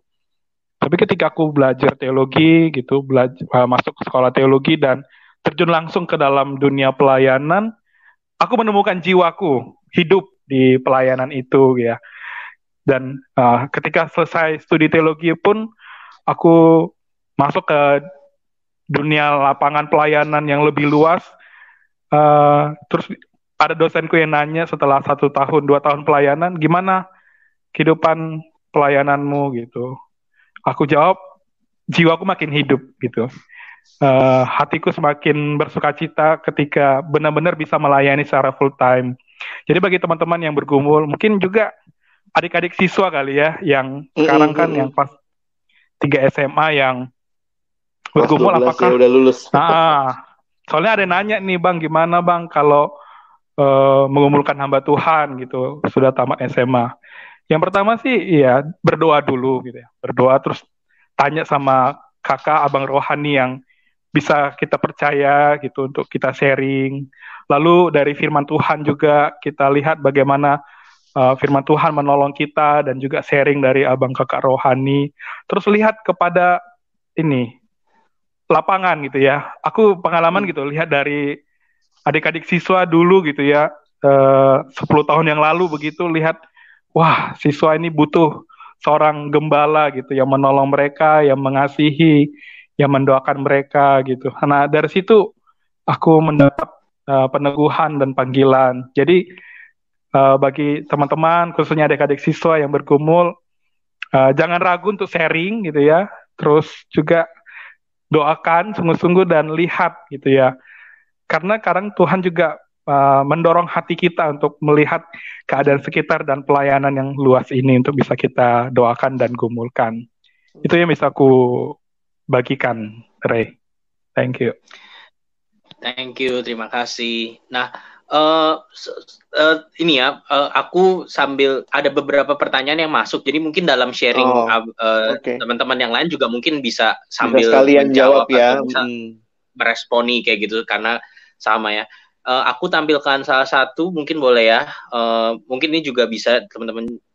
Uh, Shalom kakak-kakak, saya ingin bertanya kalau misalnya udah yakin tapi pintu tertutup kayak gitu. Apa yang harus kita lakukan? Kan sering banget nih ya di di kondisi kayak begini juga uh, hmm. mau melangkah tapi kondisi tertutup. Nah mungkin teman-teman uh, yang sharing juga mungkin juga bisa sharing dari aspek tersebut. Uh, terima kasih William. Uh, Nova uh, ada yang mungkin pernah salah memahami? Siapa tahu maksudnya apa pergumulan aduh ntar salah nggak ya? Atau gimana meyakini bahwa ini benar gitu uh, mungkin juga bisa di-sharingkan gitu ya. Ini di di bagian-bagian persimpangan kayak gini. Keyakinan benar atau enggak. Tahu kalaupun misalnya uh, apa merasa salah atau merasa lagi down apa yang apa yang jadi pengalaman teman-teman? Kayak gitu. Oke okay, uh, eh, mungkin kita boleh lanjut ke uh, kanoni kali ya. Boleh share kanoni meresponi atau mungkin uh, ya. mengkomentari tadi beberapa pertanyaan. Silakan Iya, jadi um, teman-teman dulu waktu mahasiswa, aku pernah baca buku judulnya Just Do Something. Dan di situ bukunya bagus banget, aku saranin buat teman-teman baca gitu yang sedang bergumul sekarang. Bukunya juga lumayan tipis. Di situ aku belajar bahwa ketika hidup kita dekat sama Tuhan, ketika persekutuan pribadi kita sama Tuhan itu beres gitu ya, uh, maka Tuhan pasti akan memimpin setiap langkah kita. Apa pun yang menjadi keputusan kita, percayalah bahwa Tuhan itu um, bekerja melalui pilihan kita gitu. Karena memang ada momen nih di mana kayak tadi semua pintu tertutup dan gak ada gak ada konfirmasi dari orang-orang seperti itu kan. Tetapi ketika kita bersekutu dengan Tuhan, kita yakin ketika kita uh, bersekutu dengan firman-Nya juga bahwa uh, Tuhan mengarahkan nih ke mana gitu kan. Ya ketika kalian yakin maka lakukanlah sesuatu gitu. Jangan sampai tidak melakukan apa-apa. Karena salah satu aku juga menguji um, apakah itu benar aku menjadi seorang staff. Aku mencoba pergi di bulan April itu tadi ke Banyuwangi kan. Nah, ketika aku melihat bahwa memang kondisinya Banyuwangi stafnya akan melanjutkan studi. Kemudian uh, iya ya kalau misalkan nih ya nggak ada staff di sana uh, pelayannya gimana gitu. Tapi kemudian uh, ya di situ aku terus bergumul Tuhan masa sih cuman gara-gara nggak ada staff terus aku harus jadi staff di sana? Gitu kan. Tapi uh, itu tadi bangunlah hubungan pribadi dengan Tuhan dengan firman-Nya PA berdoa seperti itu ya dan jangan pernah takut membuat keputusan sih. Karena percayalah bahwa keputusan yang dibuat oleh orang-orang yang takut akan Tuhan orang-orang yang menundukkan diri kepada firman Tuhan Tuhan pasti akan menyertai dan memberkati pilihan kita itu. Seperti itu. Hmm, itu sih yang aku rasa ini meneguhkanku seperti itu. Dan teman-teman eh, satu bulan di mana di Banyuwangi itu aku tetap nggak yakin. Aku merasa gini loh. hmm. Tuhan ini kok milih aku ya gitu. Kok Tuhan nggak milih yang lain ya? Kok Tuhan tega sih membuang aku sih membuang aku ke kota yang ya dari Surabaya gitu ya. Terus tiba-tiba ke Banyuwangi yang panas seperti itu kan. Gak ada apa-apa istilahnya. Hmm. kok Tuhan jahat ya? Aku sempat mikir gitu kan. Tapi ketika aku melakukannya dan aku mengerjakannya gitu ya aku mendapati bahwa oh jadi gini ya rasanya menjadi penuh gitu, menjadi hmm. um, sukacita gitu. Kayaknya aku hmm. memang diciptakan untuk melakukan ini seperti itu. Hmm. Ini dulu nggak aku alami ketika aku menjadi seorang fotografer atau penyiar radio yang mungkin nampaknya hmm. itu jauh lebih keren gitu kan. Uh, bagi hmm. bagiku sih itu menurutku pekerjaan yang cukup keren gitu kan.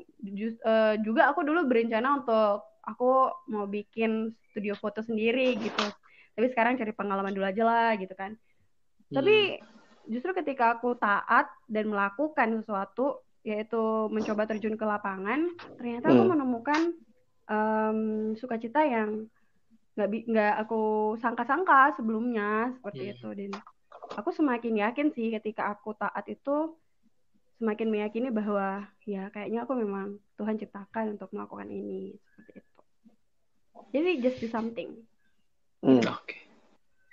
thank you Kanoni lakukan sesuatu, lakukan itu di dalam ketakutan akan Tuhan dan bukan berarti langsung yakin so yakin yakinnya masih ada iya. hal-hal ya. atau masa-masa di apa bergumul diyakinkan lagi ke sama Tuhan tapi langkah demi langkah bersama Tuhan itulah yang uh, menguatkan ya yang yang akhirnya sampai sekarang ini menguatkan thank you Kanoni buat sharingnya uh, uh, Kak Bebet mungkin boleh sharing tapi uh, aku ini ya mohon maaf ya uh, karena ada beberapa pertanyaan yang masuk jadi mungkin dari sharing-sharing kita kita juga bisa sambil explore. Kalau mungkin nanti teman-teman juga mau nanya mau nambahin juga boleh. Uh, ini terima kasih dari Kak Sastrawan menguji panggilan hamba Tuhan. Apakah punya target pribadi atau mempersiapkan diri dan mengembangkan diri? Mungkin Kak Bebet nanti juga mungkin bisa sharing kali ya dari pengalaman juga di persimpangan gimana mempersiapkan itu kayak gitu. Boleh uh, Kak Bebet apa yang bisa Kak Bebet bagikan untuk mengencourage dan mungkin juga meresponi tadi pintu tertutup atau mungkin bagaimana mempersiapkan diri kayak gitu di persimpangan itu gimana? Oke, okay, um, mungkin aku memulai dengan salah satu kutipan dari buku The Call yang uh, pokoknya salah satu kutipan yang menguatkan aku ya ketika menggumulkan jadi hamba Tuhan. Nah, aku terjemahin ke bahasa Indonesia.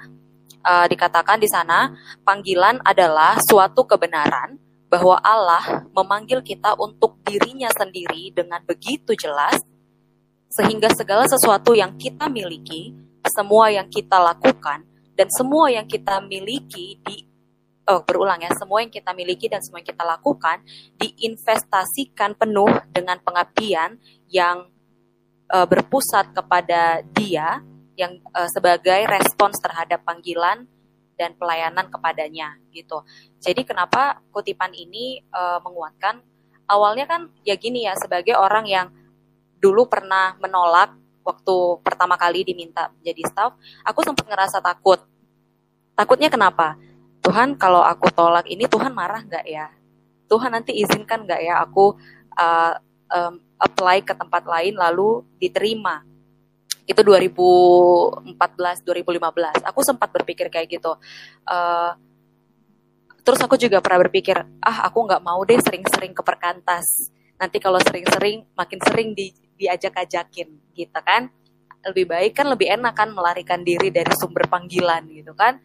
Uh, terus pokoknya awalnya aku ngerasa uh, kayaknya aku deh yang menentukan perkenanan Tuhan. Kayaknya ketaatanku deh yang menentukan perkenanan Tuhan atasku. Walaupun bukan berarti Tuhan nggak menginginkan kita taat, tapi di saat itu aku lagi menempatkan bahwa aku yang menentukan uh, belas kasih dan kemurahan Tuhan, aku yang menentukan anugerah Tuhan ada padaku atau enggak. Sehingga uh, kebenaran dari kutipan tadi kayak mengembalikan aku kepada fokus panggilan itu sendiri bahwa ya panggilan itu ya pertama-tama kayak Bang Alex tadi ada yang memanggil gitu kan. Jadi yang pertama-tama harus aku lakukan mirip yang kayak Noni udah sampaikan, ya datang terus kepada Allah yang memanggil ya, terlepas apa nanti panggilannya gitu. Jadi kadang-kadang kan orang kalau udah ada kayak aroma-aroma digumulkan jadi hamba Tuhan tuh langsung kayak aku mungkin ada ada beberapa yang udahlah menghindar aja dari persekutuan atau jauhi kakak ini berbaju kuning ini gitu kan atau jauhi uh, ini itu gitu uh, ada kecenderungan sadar atau nggak sadar ya udah menghindar kayak gitu. Sehingga malah makin kabur kan. Nah jadi mungkin yang untuk uh, mengencourage teman-teman yang entah sedang di persimpangan atau baru sedikit terbersit gitu ya datanglah terus dengan berani untuk uh, bergumul di bersama Tuhan gitu.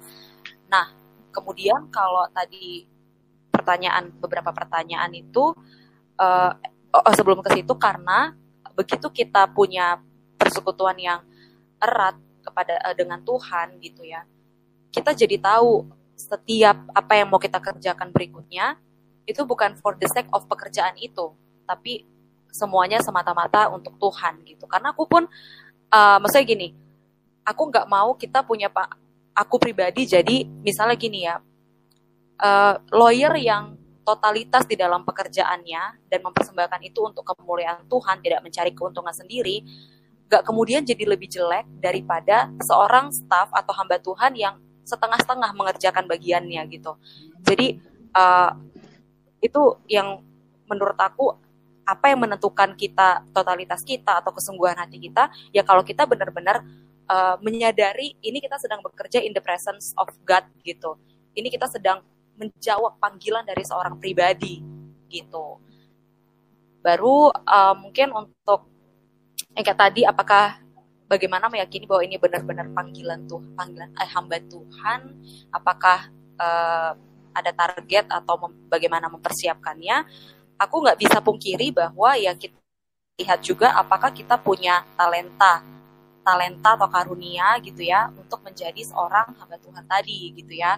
Kalau misalnya secara khusus di perkantas ya pasti kan ada beberapa hal yang memang kita uh, setidak-tidaknya kita punya potensi di dalamnya gitu. Gak bisa gak bisa juga kita bilang yaudah Tuhan bisa memakai siapa pun lalu kemudian uh, kita berharap ya kita kayak dengan sendirinya jadilah seperti uh, yang dibutuhkan gitu kan di tempat kita melayani Tuhan gitu. Aku nggak uh, aku sih merasanya ya gitu, Tuhan ketika Tuhan memanggil Tuhan juga sudah mempersiapkan. Tuhan juga sudah memperlengkapi gitu.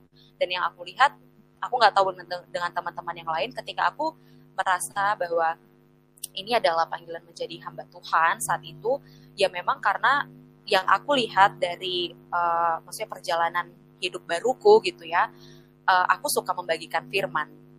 Aku suka menulis uh, apa ya semacam mengeksposisi firman gitu kan. Aku senang memimpin orang untuk berjumpa firman gitu. Aku senang untuk uh, mendengarkan adik-adik saat itu ya mendengarkan mereka dan berdoa bagi mereka. Jadi aku pikir kalau uh, secara khusus buat aku saat itu hal-hal itu yang mana itu Tuhan sendiri yang membentuk ya bukan karena kehebatanku bukan karena kemampuanku dan hal-hal itu Tuhan bentuk pasti untuk sesuatu ya kan?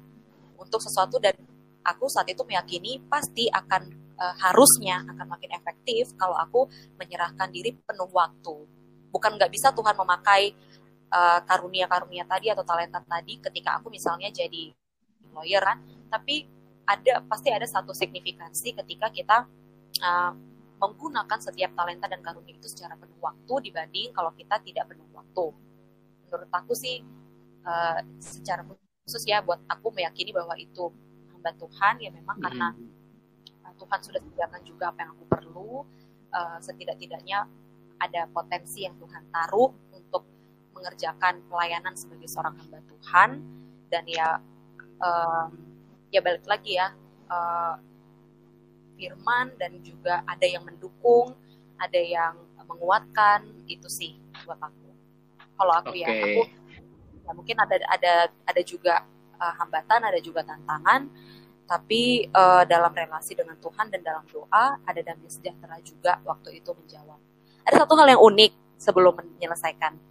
Jadi uh, jadi kan dua tahun aku bekerja sebagai uh, waktu itu di law firm itu setiap kali aku ikut camp, aku ikut ibadah di perkantas atau di gereja gitu ya, setiap ada uh, firman yang maksudnya mengajak melihat uh, kebutuhan akan pekerja, itu aku selalu gelisah, selalu gelisah, nggak pernah kayak tenang, nyaman bahwa kayak nggak merasa terpanggil gitu. Tapi begitu aku menjawab panggilan menjadi staff saat itu uh, dua tahunan berikutnya ya ada damai sejahtera yang aku sulit sulit gambarkan gitu ya sehingga ketika kemudian mendengarkan firman yang sama atau mendengarkan eksposisi renungan yang sama itu kayak uh, dalam tanda kutip ngerasa sudah menjawab apa yang dari kemarin digelisahkan Tuhan gitu.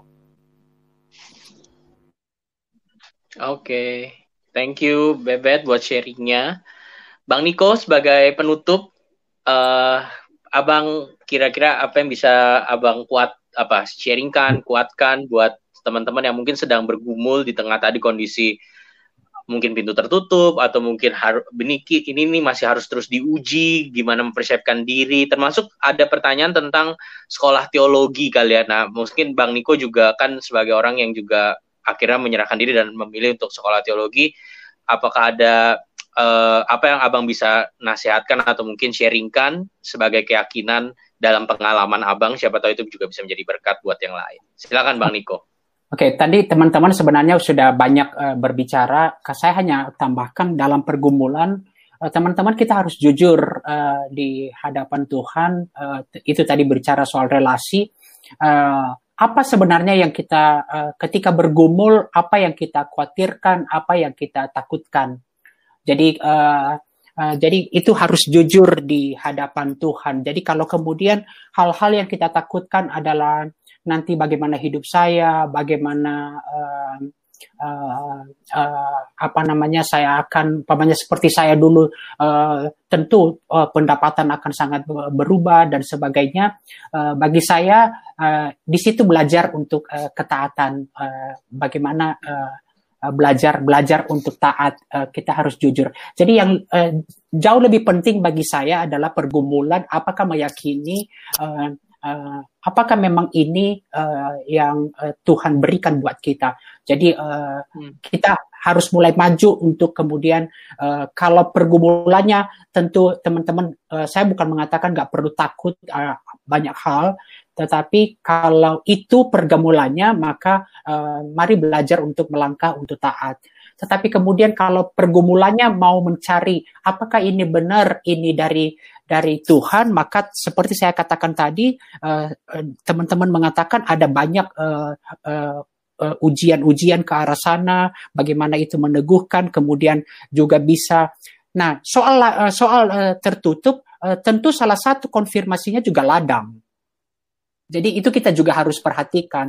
Ladang juga adalah uh, salah satu uh, uh, istilahnya ujian. Apakah memang itu uh, uh, bukan bicara soal ini. Saya gini, kalaupun nanti benar itu panggilan Tuhan, mau berliku pun akhirnya seperti saya masuk juga gitu loh. Jadi uh, uh, ada saat yang mungkin Tuhan katakan ya ladangnya belum belum belum terbuka itu salah satu uh, cara Tuhan membentuk. Nah uh, jadi bagi saya ketika uh, ladang masih katakanlah masih uh, apa istilahnya tadi tertutup, hmm. maka uh, jangan berhenti untuk melakukan sesuatu. Jadi yang paling wajar adalah ketika saya uh, saya belum semua masih tertutup ya saya ya jalani apa yang sedang saya kerjakan saat ini. Jangan berhenti seperti itu. Nah kemudian yang kedua, apakah ada kemungkinan salah? Ya bisa saja. Ada ada kemungkinan kita salah. Tetapi ya kedengarannya ini, tapi saya yakini Roma 828 tidak pernah Tuhan ada hal yang kemudian Tuhan nggak pakai untuk uh, uh, terbuka kepada Tuhan. Kalau memang ini bukan uh, kemudian akhirnya seperti itu, bukan sesuatu hal yang sia-sia kemudian katakanlah dua tahun atau setahun Tuhan bentuk kita untuk uh, masa tertentu dan kemudian kita lihat oh ternyata bukan saya pikir uh, uh, terbuka kepada Tuhan intervensi Tuhan untuk membuka uh, mengatakan. Jadi soal tertutup, soal ini itu juga kita bisa lihat sebagai uh, cara Tuhan untuk uh, meneguhkan atau me, uh, menyatakan apa panggilannya kepada kita. Nah, kalau soal kemudian uh, apa namanya uh, sekolah teologi ya, bagi saya kan uh, yang jauh lebih penting adalah kemudian bahwa sekolah teologi bisa menolong kita, tapi yang jauh lebih penting adalah pertama adalah panggilan kita. Hmm. Nah, jadi sekolah teologi kemudian akan menolong kita untuk uh, uh, lebih baik mengerjakan panggilan kita. Jadi uh, saya pikir uh, jangan kita menyerahkan diri untuk sekolah teologi ya, tetapi yang kita gumuli adalah kemudian uh, uh, panggilan kita apa yang ini. Nah, kemudian setelah kemudian kita makin uh, kita makin diteguhkan, sekolah teologi akan membantu menolong kita untuk uh, memikirkan pelayanan kita. Jadi itu yang uh, saya uh, bisa uh, sampaikan. Oke, okay, thank you banget Bang Niko Uh, terima kasih buat teman-teman yang lain. Aduh, uh, satu setengah jam cuma tiga kali giliran ngomong, empat kali giliran ngomong. Mungkin ini waktunya terbatas uh, banget ya. Capek banget gitu ya. Tapi minimal semoga setiap hal yang teman-teman sharingkan itu bisa jadi insight mm -hmm. atau mungkin bisa membuat jadi langkah awal lah kita terus mencari, terus memikirkan, terus iya. menggumulkan yeah. Ke depannya kayak gitu. Ray, Ray, uh, jadi kepikir ini Ray, boleh nggak sebelum kita tutup nanti kita tanyain secara singkat mungkin satu dua kata siapa Tuhan buat teman-teman ini dalam pergumulan panggilan hidup ini. Jadi Tuhan kayak apa sih yang teman-teman makin sadari dia Tuhan yang apa? Mungkin bisa kasih namanya gitu kali ya untuk untuk bisa Silakan, nolong kita satu -satu. juga. Ya, siapa dulu nih? Siapa? Noni, Noni, Noni. Oh, Noni. Banyuwangi Noni, dulu, Bebet. Banyuwangi. Ya. Tuhan itu Tuhan yang setia. Setia. Amin. Bet. Silakan. Bebet. Bagiku Tuhan itu Tuhan yang menyertai. Thank you. Amin. Siapa? Nando, Nando. Bagiku Tuhan itu teman curhat. teman curhat. belum dapat belum ada teman curhat sih Nando. Tuhan yang utama ya memang sih ya. Iya. thank you, thank you. Bang Niko. Bang Niko. Tuhan itu kayak pecatur lihai yang terus menggiring kita mau ke mana pun set, akan sampai kepada rencananya. Ayo, thank you nih. Oke, okay, thank you. thank you Bang Niko. Oke. Okay. Oke. Okay. Uh, mungkin sebelum kita menutup, kita mau say thanks sekali lagi buat teman-teman yang sudah ikut sampai malam ini. Hmm. Bersyukur buat komentar, buat salam yang teman-teman sampaikan. Uh, kita terus mendukung, kita juga terus mendoakan teman-teman dalam pergumulan masing-masing. Uh, boleh terus Tuhan pimpin dan teman-teman kita boleh sama-sama terus taat di dalam panggilan Tuhan. Mungkin uh, sebelum menutup boleh minta Bang Alex kali ya mendoakan kita semua hmm. dan mendoakan teman-teman yang mungkin sedang bergumul. Setelah itu baru kita uh, end broadcast gitu ya. Okay. Silakan Bang. Baik, mari kita berdoa. Tuhan, terima kasih malam hari ini kami boleh menyaksikan Allah yang hidup yang terus memanggil orang-orang di setiap generasi. Terima kasih untuk Nando di Jambi dengan pelayanan di sana, untuk Noni di Banyuwangi, untuk Kak Bebet, juga untuk Bang Niko, Bang Ray, hamba kami di Jakarta, dalam pelayanan yang Tuhan boleh berikan kepada kami. Terima kasih pergumulan yang disharingkan bagaimana Tuhan memimpin, biarlah juga benar-benar menjadi hal yang teman-teman ingat di dalam mereka mungkin ketika melayani ada saat-saat lesu, merasa gagal, tapi terus mengingat panggilan yang sudah Tuhan nyatakan, bagaimana Tuhan menuntun sejauh ini, dan akhirnya mereka terus boleh bangkit lagi, melayani dengan setia bagi kemuliaan Tuhan.